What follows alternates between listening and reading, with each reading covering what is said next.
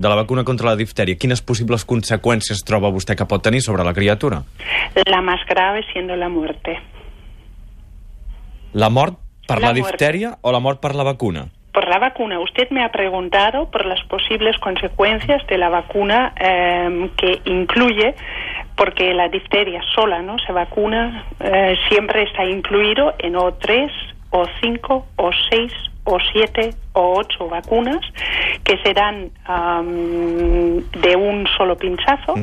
Entonces, en, en este conjunto está la difteria, pero el mínimo, digásemos, de enfermedades concluidos son dos, que es mm, cuando usted recibe la actualización de la vacuna de tétano siempre va acompañado por eh, eh, la vacuna contra el toxoide de la difteria, que es la vacuna actual que más se pone, y en la infancia se pone una combinación Sí. de vacunas. Pues estas vacunas, Mm. em, con una cierta eh, frecuencia, tienen como posible consecuencia la muerte de un, eh, de un niño. Mm. El paquet de vacunes, perquè van de, en aquest cas de 6 en 6, no? que inclou la de la diftèria, vostè diu que en, un, en una certa proporció de casos pot provocar la mort. Sí, en es. casos? Una muerte en dos millones de casos ah, vacunados produce la muerte.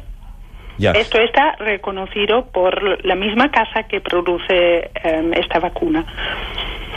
Vostè el seu fill el vacunaria de diftèria?